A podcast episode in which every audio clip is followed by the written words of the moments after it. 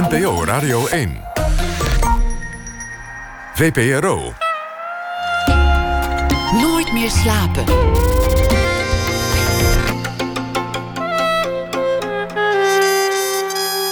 Met Pieter van der Wielen.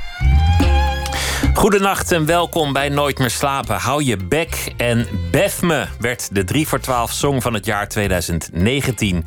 Volle zalen, heel veel pers en uh, vele hits en airplay. Merel is onmiskenbaar een fenomeen. Niet geschokt zijn. Er waren destijds namelijk ook mensen geschokt toen de Beatles zongen dat ze iemands hand wilden vasthouden. Kortom, de jeugd heeft meestal gewoon gelijk in dat soort dingen. Merel dus komend uur te gast. Merel is een creatie van Merel Baldé, geboren 1991, opgegroeid in Dordrecht. Opgeleid voor de wereld van het theater. Ze deed mee in Soldaat van Oranje. Best bezochte voorstelling die ons land ooit heeft gekend. Maar alles ging pas echt lopen toen ze zelf op YouTube liedjes plaatste. En dat is uiteindelijk een heel album geworden. Om Merel kun je niet heen. Zoveel is duidelijk. Volgens sommige deskundigen nota bene is zij een feministisch icoon omdat ze de vrouwelijke seksualiteit durft te bezingen. Volgens anderen is ze een gimmick. En de vraag blijft: gaan we er eigenlijk ooit achter komen welke onzekerheden en twijfels er allemaal schuilen achter dat machtige masker Merel? Merel, hartelijk welkom. Leuk dat je er bent. Dankjewel. Wat een introductie. Ja, dan vergeet ik helemaal te zeggen waarom we je hebben uitgenodigd. Want ja, waarom dat was... hebben jullie me in hemelsnaam uitgenodigd? Omdat het vandaag een bijzondere dag was. Want je was in het Mauritshuis, waar je ja. een liedje presenteerde... dat je op uitnodiging van het museum het Mauritshuis hebt gemaakt... bij een van hun schilderijen. Klopt. Je werd uh, rondgeleid en dan moest je een van de schilderijen aanwijzen... en je laten inspireren. Ja. De vorige keer was het Spinvis. Die, die maakte iets bij het meisje van, met de parel. Ja. En jij koos voor uh, Mars en Venus zijn betrapt. Door Vulcanus. Door Vulcanus. En het is Door een schilderij. Joachim Utewaal. Utewaal. En dat is uit, uit 1600 ongeveer. Hè? Dat, dat schilderij. Vrij klein dingetje is het. Ja, het is een heel klein schilderijtje. Je loopt er zo voorbij. Maar, uh, maar Geert-Jan, dat was de man die mij rondleidde... die, uh, die uh, wees me op dat schilderij. Want hij zei, ik heb wel een, een sexy schilderij voor jou. En daar stonden allemaal naakte, naakte lijven op. Waaronder dus Venus en Mars. En hij liet ook die twee... Er staan twee rode slippertjes naast het bed. En dat, dat was een symbool van...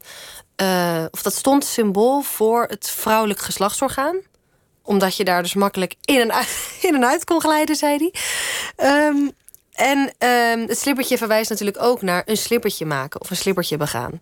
Vreemd gaan. Dus uh, toen hij dat vertelde, toen dacht ik: hé, hey, dit vind ik interessant. Hier ga ik een liedje over maken. En kwam dat liedje ook meteen? Want, want het is wel een liedje zoals jij liedjes maakt. Hij past wel in jouw oeuvre. Ja, nou, ik was dus eigenlijk wilde ik dus een liedje maken over een stil leven. Dus ik kwam dat museum in eigenlijk al een beetje met een idee. Ik dacht, ik wil gewoon een stil leven, want dan kan ik een lied maken over... Hè, het is allemaal zo druk de hele dag, laten we eens even stil leven. Nou, dat was mijn idee. Maar toen bracht hij me dus bij dit schilderij en dacht ik, oh nee... Ik laat me nu. Ik, ik ga toch voor waar ik me echt door laat inspireren. En dat is dit schilderij. Het slippertje. Ja. Die, die uh, mythe is vrij bekend. Die staat ook in Ovidius en, en andere verhalen. Het is namelijk zo Mars en Venus die gaan met elkaar vreemd. En Vulcanus die heeft het eigenlijk met Venus, vindt het helemaal niet leuk. Nee. Trapt ze op heterdaad. Ja. Wijst. Ik geloof dat hij ook nog een gouden draad om het bed spant, zodat de bewijslast hem niet zal ontglippen. Roept alle goden bij elkaar en Ja. alle goden lachen hem uit. Klopt. Hij wordt in zijn liefdesleed ontkend. Ja, hij is de loser. Ja. Ik geloof dat, dat alleen Apollo nog, nog een beetje geïrriteerd was. Niet zozeer omdat hij dat overspel van Venus zo erg vond. Maar hij had gehoopt dat een van zijn zonen ook een keer met Venus mocht. Echt waar? Ja, het was de mooiste godin, toch? Godin Ja. van de liefde. En, en nu zat, zat Mars er al op. Hè. Kortom, overspel. Ja. Ik zag je op televisie iets erover vertellen. En toen kwam, je, toen kwam je in een soort discussie terecht met Thijs van der Brink. Die in jou meteen de personificatie van al het overspel in Nederland zag. Ja, ik moet het maar weer dragen, hè? Het was eerst het beffen en nu is het het vreemd gaan. En ik kreeg een beetje een strenge blik. En toen zei hij: Wat als we nou allemaal in het- dit land vreemd gaan en niemand nog te vertrouwen is? Ja. Ja, daar was hij wel even bang voor, ja. En terechte angst, lijkt me. Nou ja, kijk, dit lied gaat inderdaad over vreemd gaan. En ehm, ik, vond het, dat, dat- ik vond het wel een spannend onderwerp natuurlijk om iets over te gaan zingen. Want vreemdgaan is natuurlijk iets wat niet wat niet goed is. Al, althans, dat wordt natuurlijk gezien als iets, ja, als iets heel naars. Het is niet nastrevenswaardig. Nee, en, maar toch is het iets wat heel veel gebeurt natuurlijk. Dus ja, en, en ik denk ook ergens. Het, het christendom speelt een steeds kleinere rol in de samenleving. Uh, het individualisme, individualisme, even duidelijk praten, individualisme. Um, Viert hoogtij. Ja, en um, je merkt toch dat ook de relatie krijgt misschien een andere betekenis. Dus ja, misschien dat alle relaties over uh, 100 jaar wel open zijn. Of, dus ik vind het wel interessant om na te denken over monogamie of over ja, wat, wat, wat er andere vormen zijn ook. Je, hebt, je ziet het nu ook steeds meer dat er bijvoorbeeld driehoeksverhoudingen of dat je bijvoorbeeld met je vrienden een kind gaat maken en opvoeden. Ook dat is in ontwikkeling. Dus ik vind het wel spannend allemaal wat er gaande is. Maar ja, Thijs die vond dat wel, ja, die vond dat wel, uh, wel moeilijk. Maar de, de, toekomst van, van de monogamie, dat interesseert jou. Dat is een thema dat, dat jou in je eigen leven bezighoudt. Ja, ik vind het wel interessant om daar, ja. Om over na te denken. Ja, zeker. Zullen we luisteren naar het, het lied dat je hebt gemaakt over het slippertje? Laten we dat maar doen.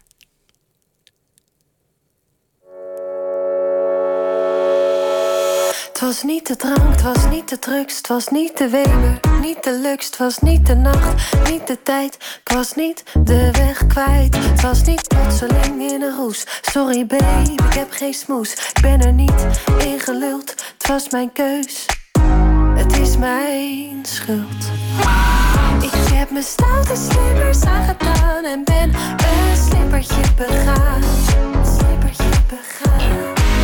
Ik heb mijn stoute slippers aangedaan en ben een slippertje begaan. Slippertje. Maar wat ik nu wil zeggen, niet dat het me spijt. Geloof me als ik zeg, schat, ik wil je niet kwijt. Ik heb mijn stoute slippers aangedaan. Ik was erbij, een schoof in mijn hoofd. Eventjes opzij, ging mijn vetje achterna. Et cetera. Hoe zeg je dat? Verstand op nul. De knop om, ik ben een lul. Kneep mezelf een oogje toe, maar had geen oog voor wat het met jou doet.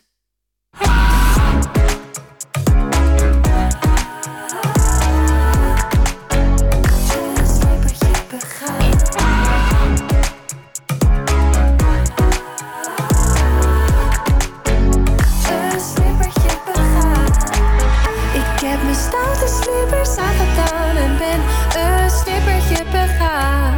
Slippertje begaan. Ik heb mijn stoute slippers aangedaan en ben een slippertje begaan. Ik heb mijn stoute slippers aangedaan en ben een slippertje begaan. Slippertje begaan. Ik heb mijn stoute slippers aangedaan en ben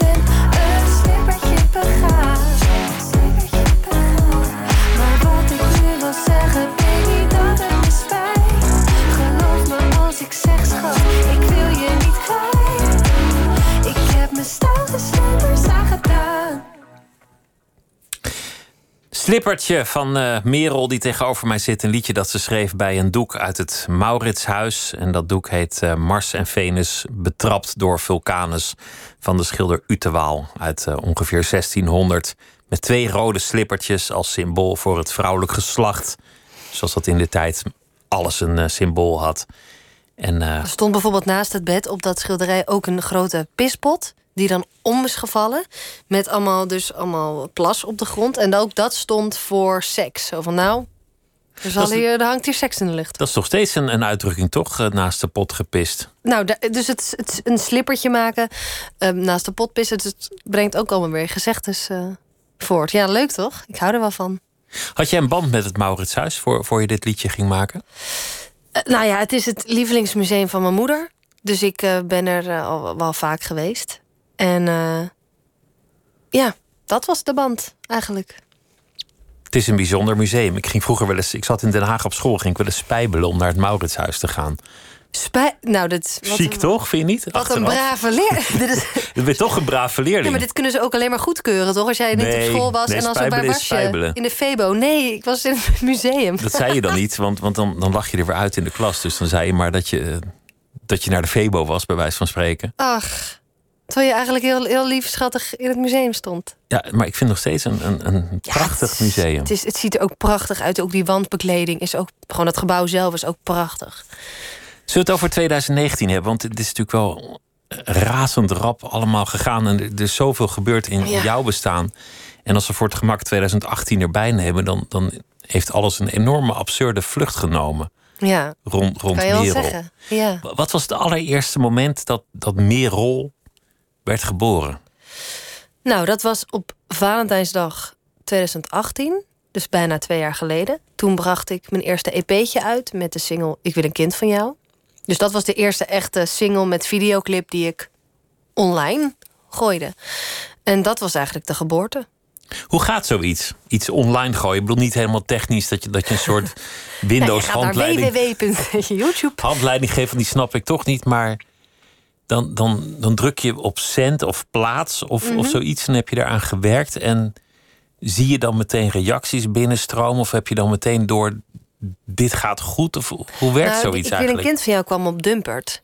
Eh, die had ik trouwens zelf daar geüpload. Want eh, ja, Dumpert heeft een enorm bereik. Dus eh, als je daar opkomt, dan dat is alleen maar heel goed.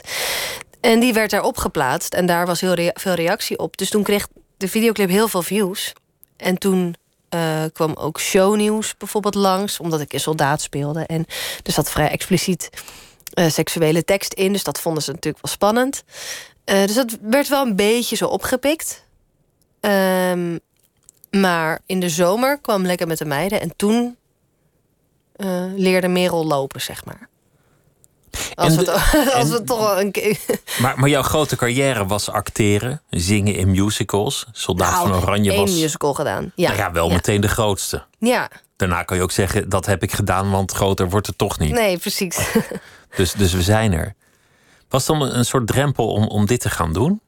Nee, eigenlijk niet. Want dit was eigenlijk wat ik altijd al wilde. Alleen had ik er de juiste vorm nog niet voor gevonden. Dus ik, op, ik ging naar de toneelschool met het idee: ik word Halina Rijn. Ik ga in de modder in een wit jurkje Medea spelen. Dat, dat dacht ik. Dat was ooit je droom. Dat was mijn droom, een dramatische actrice worden.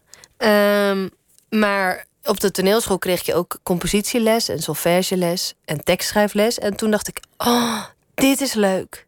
En toen werd ik gewoon helemaal, uh, had ik gewoon helemaal mijn draai gevonden in het maken van liedjes. En dat deed ik ook nog na school. Alleen had ik gewoon nog niet de juiste vorm gevonden. Dus ik stond in het theater met bijvoorbeeld liedjes. En maar dan meer kleinkunst of, meer of beetje, cabaret? Ja, meer, ja, ik zat een beetje in de kleinkunst cabarethoek. En mijn liedjes zijn natuurlijk wel grappig. Maar het is geen cabaret. Je gaat, het is, de humor is een bijkomstigheid. Het is in eerste instantie muziek. Dus in het theater viel dat gewoon niet zo goed. En in theater zitten natuurlijk ook veel 50-plussers. En ja, die, nou, dat is ook nu blijkbaar mijn doelgroep hoor. Maar toch, als, voor een zittend publiek met een paar lichtstanden, dat is, ja, het had toch iets meer. Um, het had toch een poppodium nodig. Dus je hebt voor alle lege zalen van ons land gestaan? Zeker. Ik ken alle lege zalen, ken ik door en door. En, uh, Wat was het dieptepunt? Wat was het moment dat je echt met je hoofd tegen de muur sloeg en dacht: ik kap ermee dit nooit meer? Soest. Soest. Ja.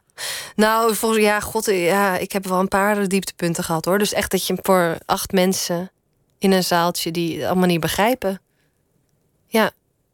En dat, maar dat, wat ik, wat, ik heb later ook nog wel eens voor zo weinig mensen gestaan. Maar als je weet wat je, als je te je vorm te pakken hebt, dan is het niet erg. Ik vind het nu heel leuk om voor weinig mensen op te treden. Maar als je nog het veel zoekende bent, is. Maar als je nog zoekende bent en zelf ook nog niet helemaal achter je materiaal staat. Ja, dan, ja, je moet natuurlijk wel achter je, achter, erachter staan uh, als je op een podium staat. En dat serieuze acteren, heb je dat nog wel geprobeerd? Of, of heb je dat meteen al losgelaten op de academie? Nee, ik heb dat juist op school nog, uh, ja, nog wel gedaan. En ook na school heb ik ook een paar toneelstukken gedaan. Nog een kindervoorstelling. En hier en daar wat kleine rolletjes op tv. Uh, maar dat kwam niet echt van de grond. Het is als acteur gewoon heel moeilijk om aan de bak te komen. Omdat je zo afhankelijk bent van castingbureaus, van regisseurs. En dat is ook een reden geweest om de muziek in te gaan. Omdat je dan, kijk, je kan zelf je muziek op Spotify, Spotify zetten. En op je hoeft, YouTube. Je hoeft niet gevraagd te worden, niet op auditie te komen. Nee, je kan het. en natuurlijk, op een plekje. natuurlijk ben je afhankelijk van dat je geboekt wordt, bijvoorbeeld. Maar je kan heel veel zelf doen. En dat vond ik zo leuk. En je hebt het ook helemaal zelf gedaan. ja, het begin, ja, nu niet meer. Nu, Nu heb je management en, ja, en dat soort team om me dingen. heen. Maar in het begin, In het begin was het ja. gewoon alleen maar vanuit jouw huis iets uploaden en Ja, en zelf mailen en in. zelf eh, had ik merchandise tasjes en die deed ik zelf op de post. En ehm, eh, ja, zelf gewoon alle clips bedenken en betalen. En op de fiets naar optredens. Ja, Hou je bek en bef me is, is volgens mij denk wel je bekendste liedje. Zou, zou dat ik denk kunnen? in de media wel, maar Lekker met de Meiden is wel. Ik denk dat. het meest gedownload? Ja, die is het meest gestreamd. Yes. Hou je bek en bef me is, is wel gewoon een lekkere tekst. Ja, jij, vind- jij vindt het ook lekker om het uit te spreken, merk ik. Je Ja, hebt nee, het al een paar maar keer gezegd, zonder gêne. Heerlijk. Zonder gêne, Ja. waar, ik me, waar ik me even overheen heb moeten zetten... omdat er op de een of andere manier rond dat woord een soort gêne heerst. Ja, dat snap ik ook wel, tuurlijk. Ja. Maar dat is ook de charme van het liedje. Want als je iets zou zingen waar geen gêne omheen zat... dan was meteen de angel uit het hele stuk. Nou, dat is precies wat het is. En voor mij is, ik heb het al zo vaak gezongen.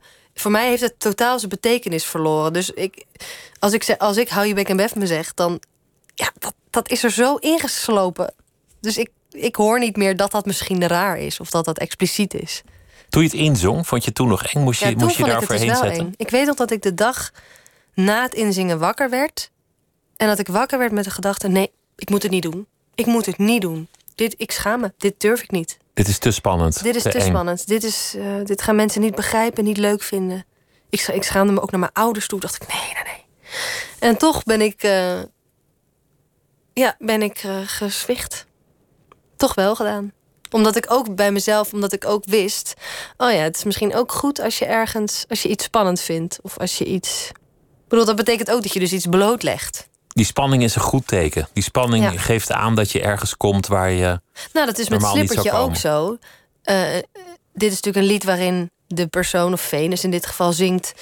hey, ik, ja, ik ben vreemd gegaan en ik geef ook mezelf de schuld. Ik steek hand in eigen boezem. Het was niet de drank, het was niet de drugs. Dat vond ik ook wel spannend. Om, dat je jezelf als dader, zeg maar, neerzet. En als de klootzak. Zonder smoesjes. En, Ja. en het ook niet bij het slachtoffer plaatsen. Dat is ook een klassieker. Ja, Ik ben vreemd gegaan, maar ja, je keek ook nooit meer naar me. ja Mars. precies.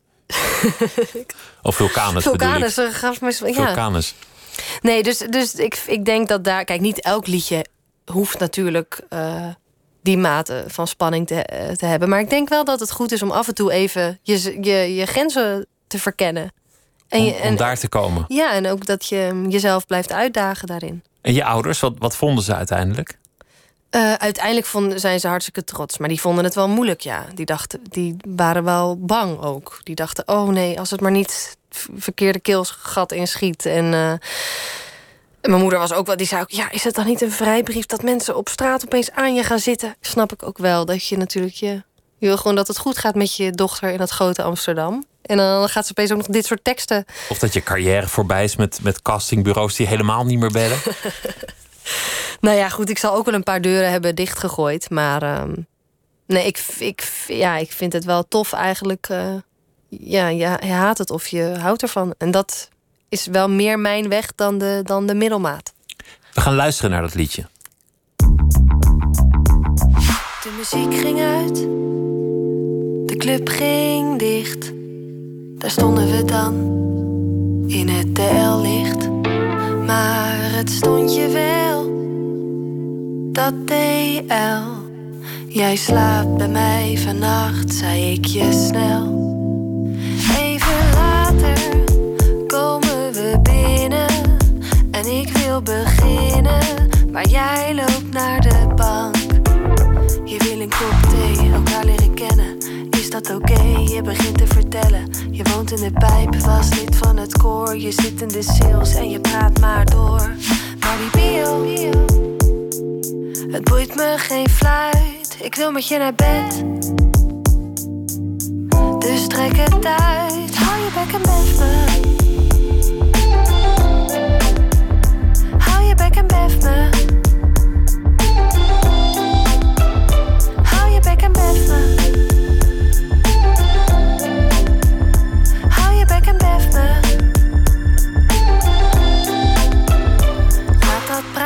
Dat kan ook later. Eerst body language, doe niet zo eng, bitch. Ik wil geen context, ik hoef geen plaatje. Gemeenschappelijke vrienden, kap dat praatje. Ik hoef geen naam, geen ditjes en datjes. Bespaar me, please, foto's van je katjes. Je bent lekker, je bent heet. Dus kom naar bed en stop deze date. Want die bio, het boeit me geen fluit. Ik wil met je naar bed. Trek het. Hou je bek en bef me. Hou je bek en bef me. Hou je bek en bef me. Hou je bek en me. Begrijp me niet verkeerd. Het is leuk dat geflirt, maar het is al laat. Ja, het is al laat. Nu ben ik aan de beurt. Het is al lang genoeg over jou gegaan. Dus door je knieën, dan blijf ik staan. Ik wil je nu, het is tijd. We praten wel verder aan het ontbijt. Hou je bek en bef me, bef me. Hou je bek en bef me, be- bef me. Hou je bek en bef me, bef me.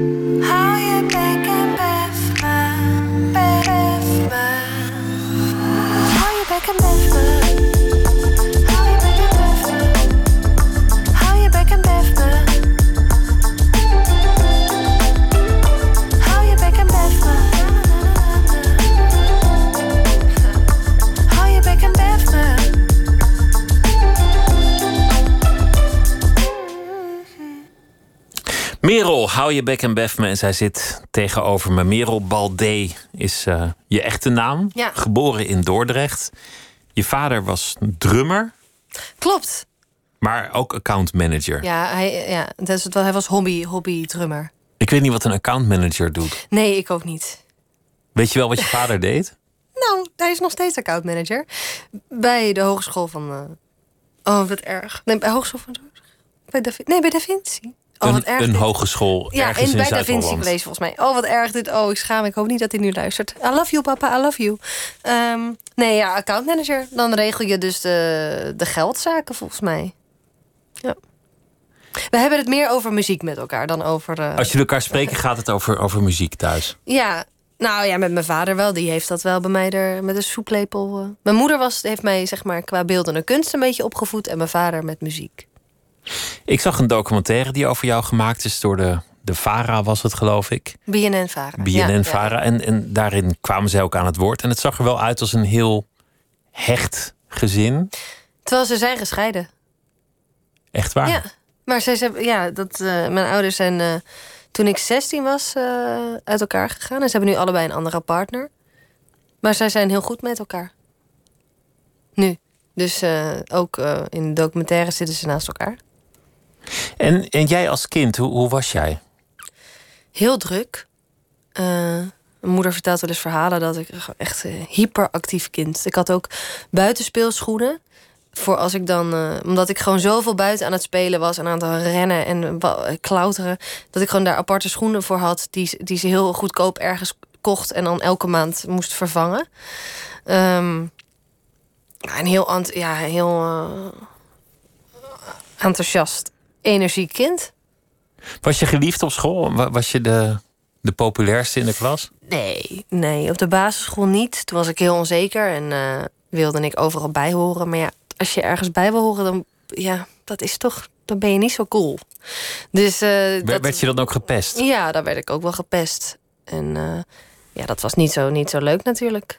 Ehm, maar op de middelbare school toen heb ik mezelf een beetje een identiteit aangemeten. Dus toen ging ik heel kleurrijke kleren dragen. En dacht ik, oké, ik ga nu ergens voor staan. En dat trok wel allemaal mensen aan. Dus toen was ik best wel cool. Eh, maar kreeg ik natuurlijk, werd ik ook wel gepest. Want ik had dan ook duivelsoortjes op of een Hawaii-ketting om. En nou, eh, punaises in mijn oren. Nou, genoeg eh, ehm, Stof tot pesten. ja, stof tot pesten. Ehm, Waarmee ik niet bedoel dat pesters gelijk hebben, maar nee, maar dan geef je ze wel, je, geeft ze wel eh, een eh, goede aanleiding. heeft dat nog gevolgen voor je gehad? Dat je, dat je gepest werd als, als ja, kind? daarom zit ik natuurlijk hier. Daarom sta ik natuurlijk op een podium. Om de pesters een middelvinger op te steken. Om, om wraak te nemen. Ja. Om het in te halen. Om de aandacht in te halen die ik eh, gemist heb in mijn, in mijn jeugd. Ja. Nou ja, nee, dat... Ik, ik, Ik ken mensen voor wie het echt traumatisch is geweest om, om gepest te zijn als kind. Dat het, dat het hun hele leven potentieel terug kan komen als, een, als een onzekerheid. Of, nou, ik heb wel zwakte. vaak dat ik denk dat als ik nieuwe mensen ontmoet... dat ik er meteen van uitga dat ze me niet leuk vinden. Dat, ik, dat is op een of andere manier... de eerste maar- aanname die, die ja, je dat doet. ik meteen denk, oh, ze vinden me niet leuk. Ze vinden me saai. Ze zullen wel denken dat. Ja, dat is wel ehm, iets wat automatisch gaat bij mij. Maar verder, mm, ik merk nu bijvoorbeeld in, in mijn werk nu... dat ik zoveel bevestiging krijg en zoveel aandacht. Het, ik, daar kan je niet onzeker van worden.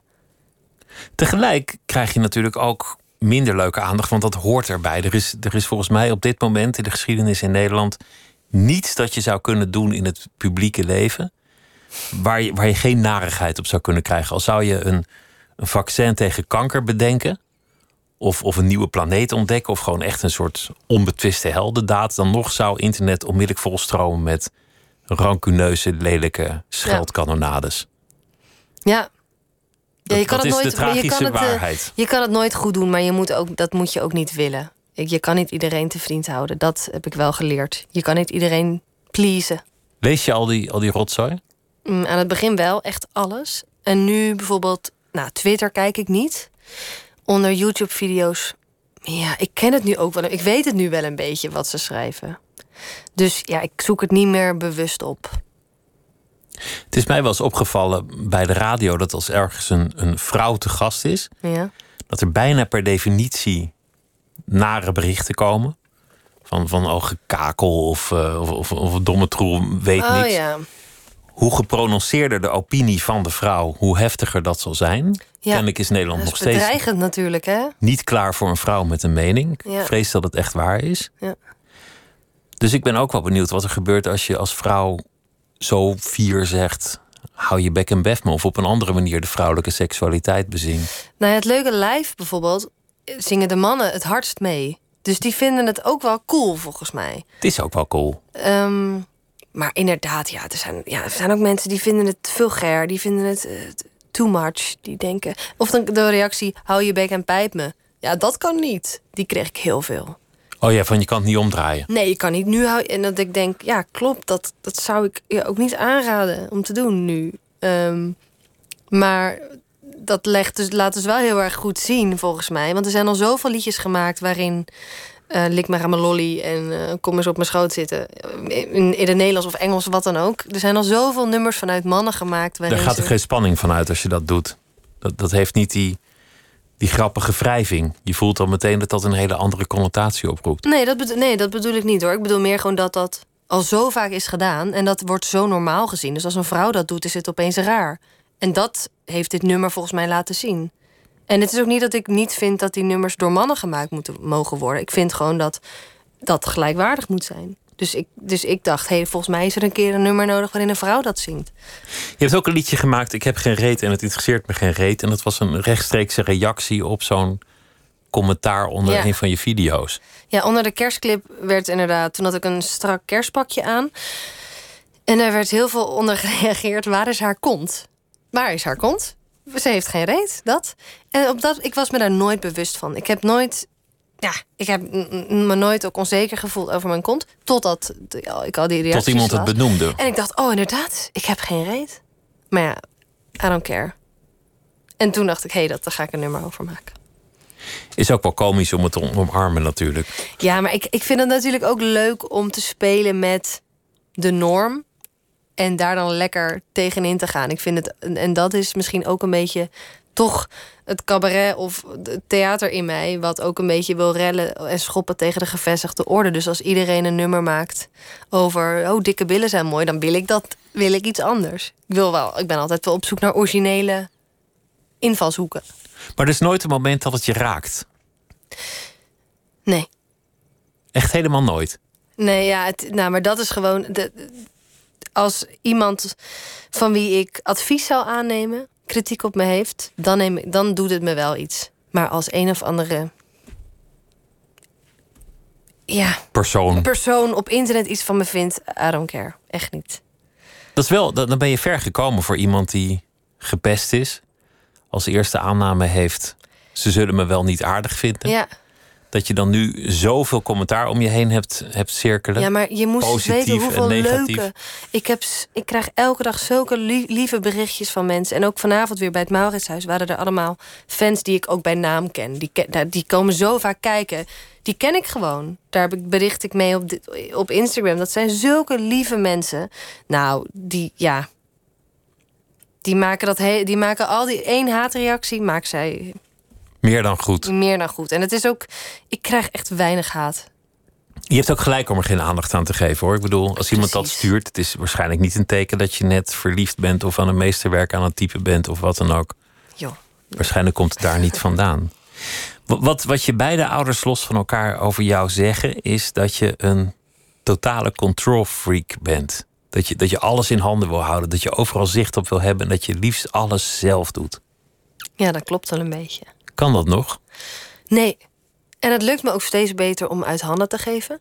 Ehm, het begon natuurlijk bij. eh, nee, ik begon met een boeker bijvoorbeeld. Dat ik de, shows, de shows plannen, dat ik dat uit handen gaf. En met het management gaf ik een groot deel zakelijk uit handen. En met hen heb ik elke dag contact. En eh, ik merk dat. En nu zijn we bijvoorbeeld aan het gesprek aan het voeren met labels. Dus het team wordt steeds groter. Want ik merk gewoon dat er. Het, het, wordt ook steeds groter. En ik wil, waar ik wel de baas over wil blijven. Ik ben natuurlijk nog steeds de baas, ook over het zakelijke aspect.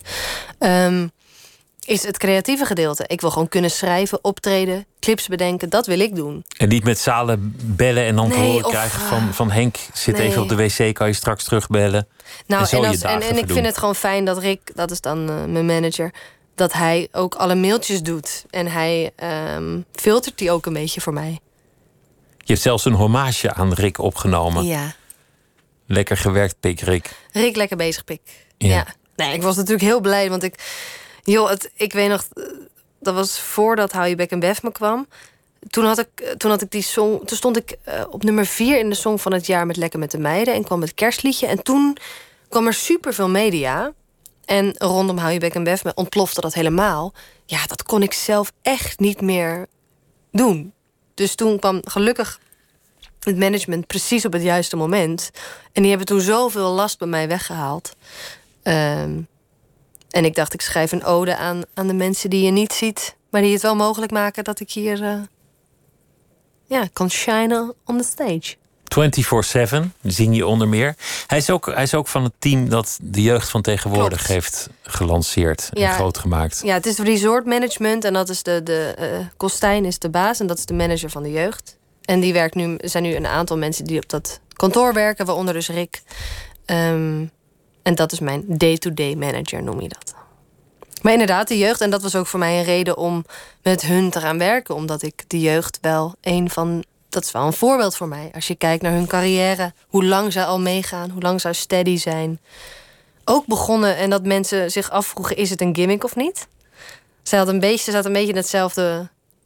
ehm, Want jouw doel is wel duurzaamheid, steady zijn en, en dat soort commentaren afschudden van het is een gimmick of eh, Ja, nou, ik vind het wel over. belangrijk dat je, dat je nadenkt over de lange lijnen. En dat, ik wil natuurlijk lang meegaan. Ik, wil, eh, ik vind het zo leuk. Ik wil nog wel even blijven. Je zei, ik voel dat het goed is omdat ik het een beetje eng vind. Als ik zo'n tekst zelf spannend vind, dan weet ik dat daar iets zit. Mhm. Dat, dat ik daar moet zijn. Dat dat de interessante plaats is voor mijn creativiteit. Het kan ook een manier zijn om je te verschuilen, juist. Juist iets zingen dat je niet durft, kan een manier zijn om iets anders te verbergen, als je begrijpt wat ik bedoel. Wat zou ik dan verbergen? Nou, misschien is het een soort van. Ik weet niet hoor, ik ben hardop aan het denken. Maar Ja. een soort schot voor de boeg. Het is zo gewaagd dat, dat het je onkwetsbaar maakt. Hmm. Nou, misschien, ja, misschien is dat het ook wel. Ehm, ja, maar ik vind dus bijvoorbeeld Hou je bek en bef me- echt mijn meest kwetsbare nummer, eigenlijk. Hoewel ik me, ja, nou ja, ja, ik snap wel wat je bedoelt, maar het is, het voelt wel heel erg empower, empowering om dat nummer live te doen, bijvoorbeeld. Nou, ik weet het niet zo goed. Nee, ja, ik bedoel, ik wil je niet gebieden waar je over moet zingen. En, ik, en zoals gezegd, ik vind het een, een mooi liedje. Maar, maar een element van verschuilen kan je natuurlijk ook op die manier doen. Jezelf verbergen achter Stoerdoenerij. stoerdoenerij of achter een act. Merel is natuurlijk een soort alter ego van, van Merel. Ja, maar ik vind Merel met een E, wie ik echt ben, vind ik niet interessant genoeg voor de mensen. Die bewaar je voor jezelf. Die, die Ja. leer ik ook niet kennen. Niet in dit gesprek, niet anders. Nou, ik ben nu, ik, ik, ik hou nu geen, eh, ik ben nu niet aan het niet. performen. Nee, zeker. nee. Maar ik bijvoorbeeld op een, als ik mijn liedjes alleen maar zou schrijven vanuit mijn leven, dus alleen maar autobiografisch, dat zouden hele saaie nummers zijn. Er moet een beetje, een beetje jeu aan toegevoegd worden. Want jouw leven is eigenlijk best Nee, wel maar is normaal. net als is ieder ander. En is veel genuanceerder. En ik vind het juist tof om in liedjes eh, veel extremer te zijn. En te overdrijven. En ook mijn fantasie te gebruiken. Ehm, en soms heel erg in te zoomen en heel specifiek te zijn. Maar wel ja, daarin. ehm, en dus wel dus aspecten te pakken uit het echte leven. Maar dat natuurlijk wel omzetten naar iets. Ja, Naar kunst. nou ja, iets, het moet wel opgetild worden uit de realiteit. Anders krijg je toch hele saaie nummers. Anders is het, hou je bek en bef. Oeh, nee, nou, dan, zou, je- ja, dan zou dat al niet kunnen. Want dat vind ik al te heftig om in het... eh, Dat zou ik nooit zeggen tegen iemand. Maar ja, Maar als je zou zeggen, wil je alsjeblieft... Misschien... maar dat is weer geen leuk ja, liedje. dat is een heel saai, saaiig nummer. Maar zingen is, is juist bij uitstek iets heel kwetsbaars. Omdat dat het vanuit je stem komt. Omdat iedereen je emotie heel rechtstreeks hoort. Het is het meest directe instrument van de menselijke emotie. Maar is het niet kwetsbaar om de versie te, neer te zetten die je zou willen zijn? Is dat niet kwetsbaar? Dat weet ik niet. Ik, ik vind het bijvoorbeeld niet kwetsbaarder als je in een spijkerblouse op een barkruk met een gitaar een liedje over je oma gaat Van die zingen. saaie singer-songwriter liedjes gaat maken. dat maak jij ervan. Ja? Ehm, ik vind dat niet kwetsbaarder dan met in een glitterpak hou je bek en bef me zingen. Nee, nee, maar het is, ik vraag dit ook niet vanuit een kunstkritiek, maar meer vanuit een nieuwsgierigheid. Mhm. Nee, maar daar ben ik natuurlijk is- zelf ook heel erg mee. Ik ben daar wel mee bezig. En ik merk dat in Nederland er toch ehm, heerst daar eh, de doe maar normaal, dan doe je al gek genoeg. eh, Ja, veel te veel. Ik, ik ben blij dat je dat niet doet. Nee, en ik. En, en, maar ik merk dus wel dat ik daar dat mensen soms het dus al meteen gek vinden.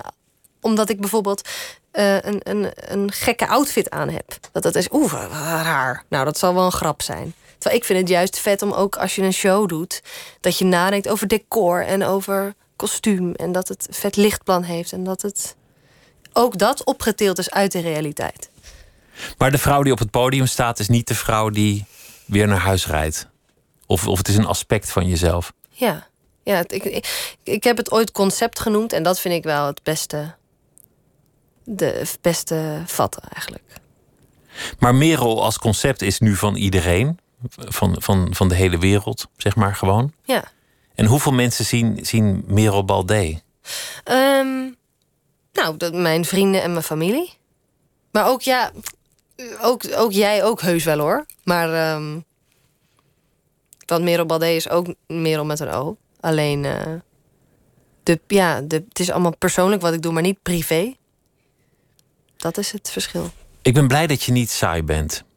Je hebt de saaiheid wel mooi beschreven in een liedje dat gaat over de kantoorcultuur. Ja, En dat, dat gaat over dat je ja, tussen al dat kantoorleven toch ook af en toe eh, de menselijke emotie kunt zien stralen. Mhm. En dat nummer heet dan ook Ik krijg het er geil van.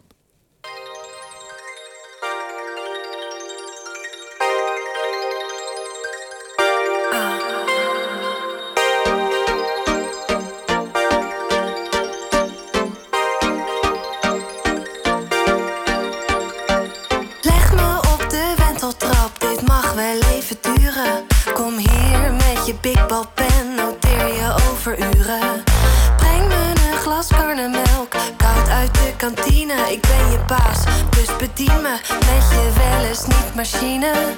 Karnemelk met vodka jus op het vrijmibo menu Ik stoot een halve kaasplank om, oh wat doe ik nu? Ik heb zin om cheese te spreaden, niet Excel maar die van nu. Alle A-formaten passeren de revue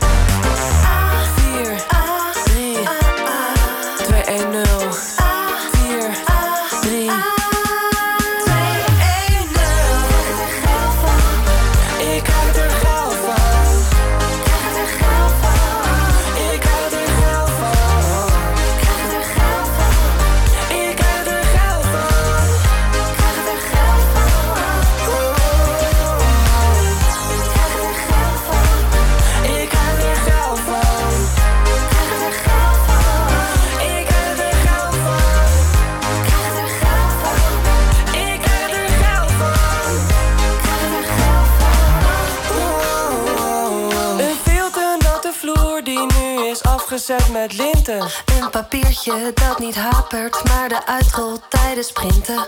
Een nakkie van de laatste vrijmibo in de lavinde. Een stom computersnoer dat mooi is weggewerkt met plinten. Ondefinieerbaar gekreun en het toilet. Een stukje slip dat net te zien is, waar hij niet zo goed op let. Pikante foto's van de kerstborrel, zomaar op de chat. Stikken met pileren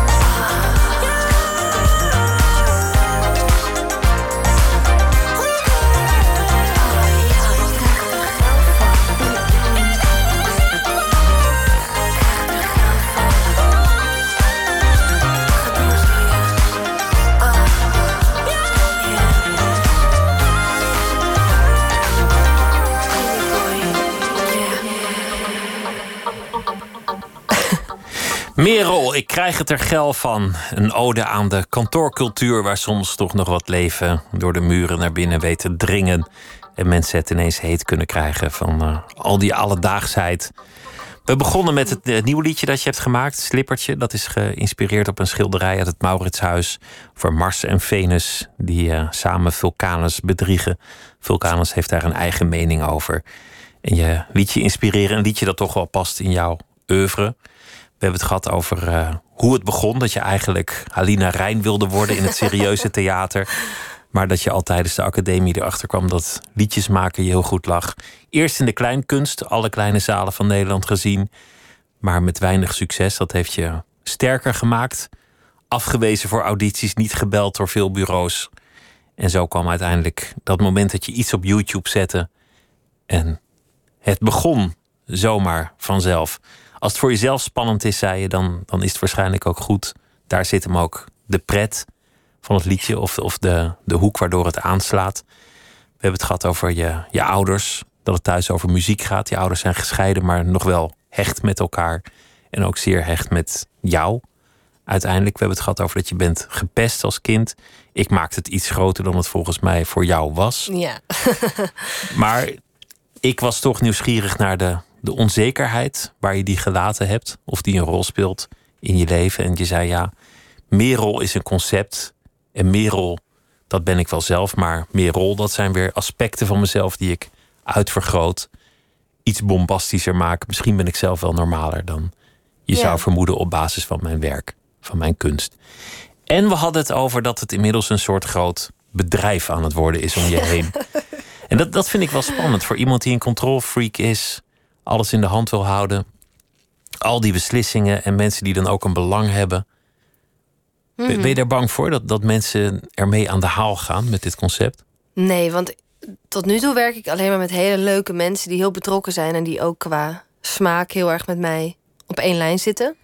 Ehm, en ook qua mensen bijvoorbeeld in de studio met wie ik nu muziek maak, werk ik nu met producers samen die gewoon dezelfde taal spreken. En die heel erg. ehm, ja, die heel hetzelfde over dingen denken. Dus ik denk dat dat.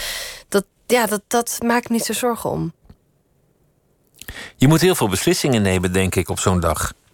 Ja, nou ja, ik denk dat, dat Rick, Rick eh, die zo lekker werkt, dat hij dan af en toe wel belt van wil je, wil je rood of blauw of wil je groen of geel? Of, Maar dat wordt ook steeds makkelijker. Want aan het begin was ik heel erg bang om nee te zeggen. Omdat ik dacht, ja, maar als ik nu nee zeg, dan vragen ze me nooit meer. En dan, eh, weet je, dat, je bent gewoon bang om iets te missen. Of, De angst dat het weer voorbij gaat en je Ja. er niet bij was. en nu de, de, merk ik steeds meer van, oh, je kan gewoon nee zeggen. eh, want het is ook belangrijk dat je eh, een avond vrij hebt bijvoorbeeld. Of het is ook belangrijk dat je niet een overkill bent op tv. En dat je wel je momenten gaat kiezen.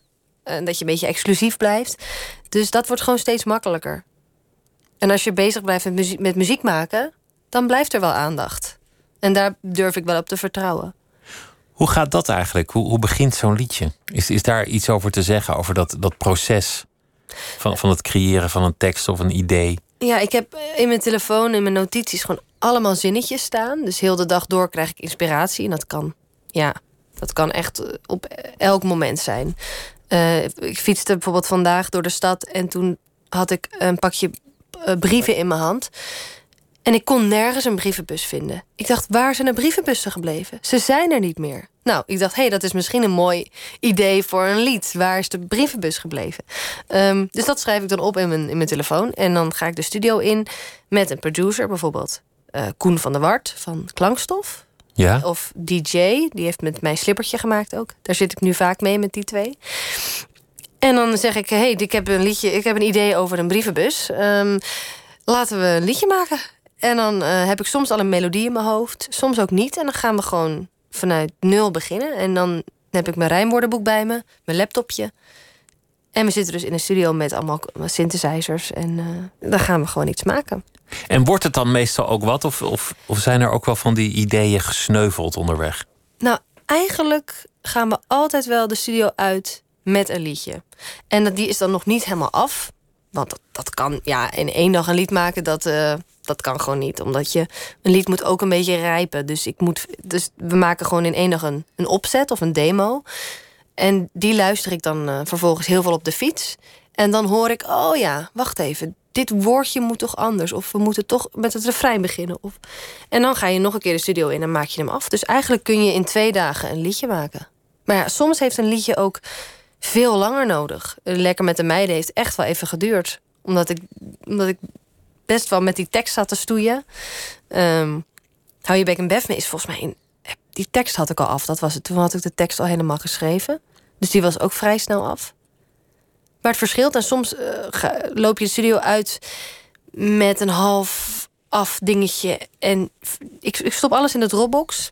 Maar die verdwijnt. Ja, die, die Komt in het mapje half affe ideeën, af, misschien ja. ooit nog eens iets mee doen. Precies. Ach, weet je, laat maar. Ja, dat is ook een map, inderdaad. Maar de, de muziek doe je uiteindelijk voor een groot deel zelf. De, de melodieën, de, Ja. de, de zang, dat soort dingen. Ja, dat bedenk ik zelf. Maar wel echt wel allemaal wel in samenwerking met een producer. Dus, ehm, dus diegene zit achter de computer. Die speelt alles in, draait aan alle knopjes. Maar we, we bedenken het wel samen.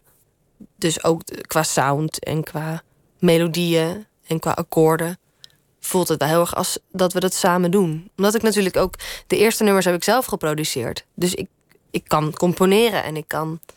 ehm, ja, ik weet gewoon hoe toonladders ook werken. En ik weet, ik weet waar een liedje uit moet bestaan. Dus dat is wel fijn. En je kan zingen. En ik kan ook zingen. Dus dat, eh, tenminste, mijn eigen nummers, dat lukt allemaal wel, ja. Je staat voor, voor steeds grotere zalen inmiddels. Je stond op Noorderslag voor 2000 man. Ja, in het grote grote zaal. podium. Uitverkocht Paradiso heb je gedaan Ja, inmiddels. De festivals, dat zal deze zomer ongetwijfeld ja. iets worden. Dan worden de getallen nog groter, vermoed ik. ja het blijft maar groeien, ja. En de show wordt ook groter, bewegelijker, met meer. Nou, ik heb nu een drummer erbij bijvoorbeeld. Die, Ja. is, eh, die is nu een, vanaf Paradiso is hij erbij. Dus nog maar een maandje. Hij heeft nog maar twee optredens meegedaan. Maar ik merk dat het dat voegt alweer zoveel toe. Dus dat is echt leuk om dat live ook meer uit te gaan breiden, ja. Maar je hebt nooit echt een opleiding voor, voor zang gehad. Dat, dat, is- dat is voor een groot toch wel talent. veel. Nou, je krijgt wel veel zangles op de toneelschool hoor. En verder is het. Ja. Je Zing- kan dat of zingen niet. is niet zo moeilijk ook, hè?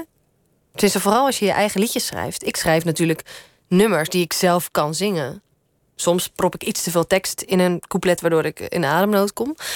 Maar over het algemeen, mijn eigen nummers kan ik goed zingen. Want ik hou natuurlijk gewoon rekening met mijn bereik. Met wat jij kan en, en wat voor jou goed voelt. Ja. Is het spannender nu het groter wordt? Dat, dat optreden? Mm, nou, ik vond bijvoorbeeld Noorderslag wel spannend, ja. Omdat dat is daar hangt toch een soort over dat festival hangt toch een soort belofte. Een soort, ja, nu moet het gebeuren. Dus, en, en dat is gewoon heel spannend. Want heel veel iedereen, iedereen met pretenties in Ja, de muziek is daar. Ja, die is daar. Dus dat, ja, en het is toch veel fijner om gewoon voor je fans te spelen. Voor mensen die alles meezingen en ehm, die niet met zo'n kritisch oog staan te kijken. Die betaald hebben, dat is vaak een goed teken. Ja, want dan, dan moet het wel leuk zijn. Natuurlijk. Precies. Dan, dan heb, je, heb je erin geïnvesteerd, dan ga je het ook leuk vinden. Ja. Daarom, Nee, daarom zijn recensenten ook altijd vervelend. Ja. Maar ja, ja, wat, ja. Heb je, heb je nu een soort, soort plan voor, voor, voor de grote carrière? Nou, er, er staat dus een album op de planning in oktober. Dus het eerste echte album komt dan uit. Want ik merk gewoon dat ik ook qua genre steeds meer nu één richting op ga. Omdat ik natuurlijk nu een jaar lang elke week weer nieuwe liedjes heb gemaakt. En dat ik merk, hé, hey, wat leuk. Het begint meer op, nou niet op, ja, het begint meer een genre te worden. Dus het loopt niet meer uiteen van indie naar R&B, naar pop, naar house. naar- het is meer één ding aan het worden. Dus ik heb heel veel zin om dat op een album te gaan zetten. En dan weer een clubtour te doen. En ja, het is een beetje per jaar bekijken, eigenlijk. Wat, wat is eigenlijk de muziek waar je zelf altijd naar geluisterd hebt? Ja, heel uiteenlopend. Dus ehm, ik heb op de middelbare school heel veel naar Britpop geluisterd. En naar de Strokes, de Libertines. Oh, dat is echt De iets heel, iets heel anders. Ja, echte rock, rockmuziek. En ja, ik heb echt naar alles geluisterd. Op de toneelschool veel naar Maarten van Roosendaal. ehm, Rufus Wainwright. Rosen Murphy. eh Wende. Ja, dat zijn natuurlijk ook een beetje meer uit de klein. Dus hoe krijg je natuurlijk daar ook les in? Ehm, en de laat, ja, ik luister echt alles. Nu ben ik bijvoorbeeld helemaal verzot op Angèle. Dat is een Franse zangeres. Rosalia, een Spaanse zangeres. En Lana Del Rey vind ik ook te gek. Dus ik luister op. Dat is wel grappig. Ik luisterde vroeger vooral naar mannelijke zangers. Dus al die rockbandjes van vroeger we hadden het allemaal mannen. En nu luister ik eigenlijk vooral naar vrouwen. Wat grappig, besef ik me opeens.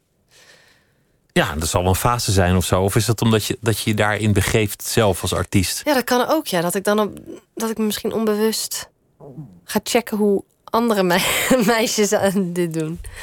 Ik vind het wel leuk dat je Maarten van Roosendaal noemt. Ja, dat is Dat- wel een dat groot was- voorbeeld. eh. Dat was wel een van de, de beste tekstschrijvers die, die ik althans ooit in het Nederlands gehoord heb. ongelooflijk. Wat hij, hij kon echt.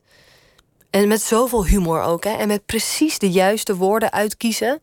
En daarmee zo'n herkenbaar beeld ook en wereld oproepen. Ja, daar was hij echt meesterlijk in. Het was nooit cerebraal, het was zat altijd emotie in ook. Dus het was nooit een soort pochen met mooie woorden. Van kijk mij eens even poëtisch uit de hoek komen.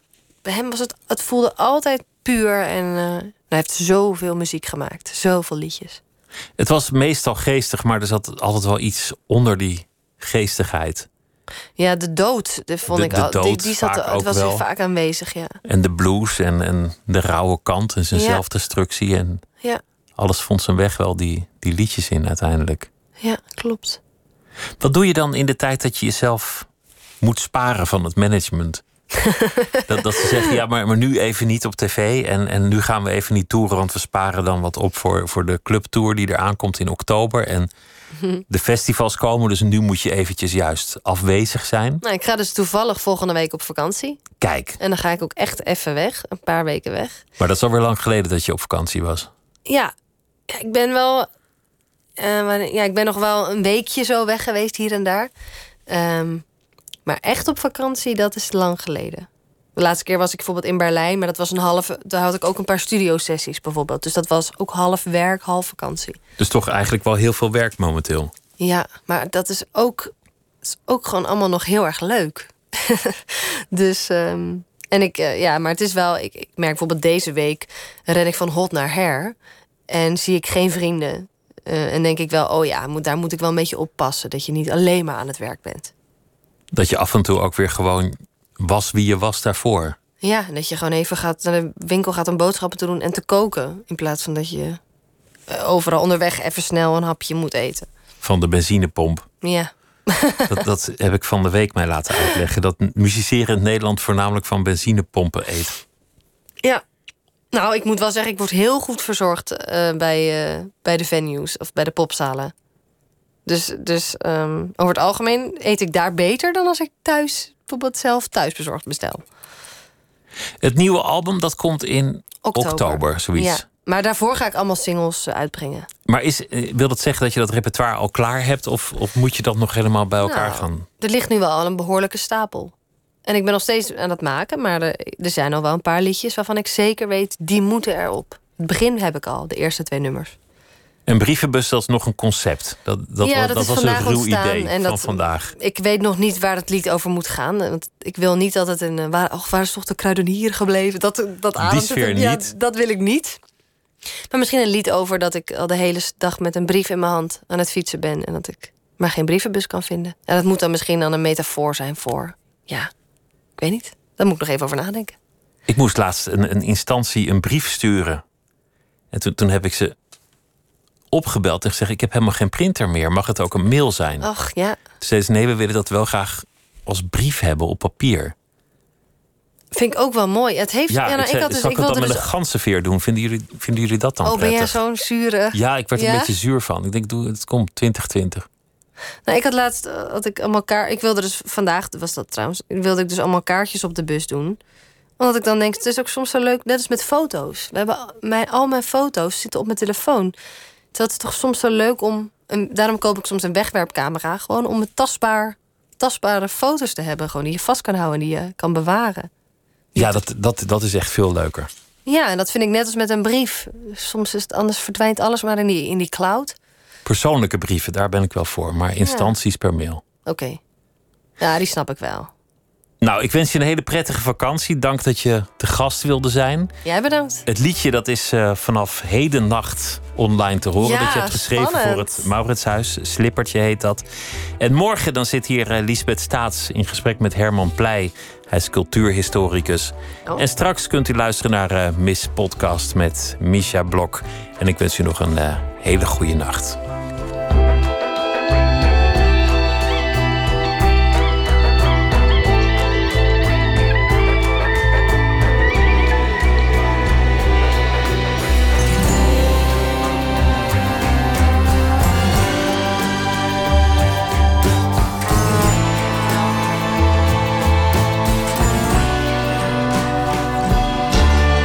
Radio 1. Het nieuws van alle kanten.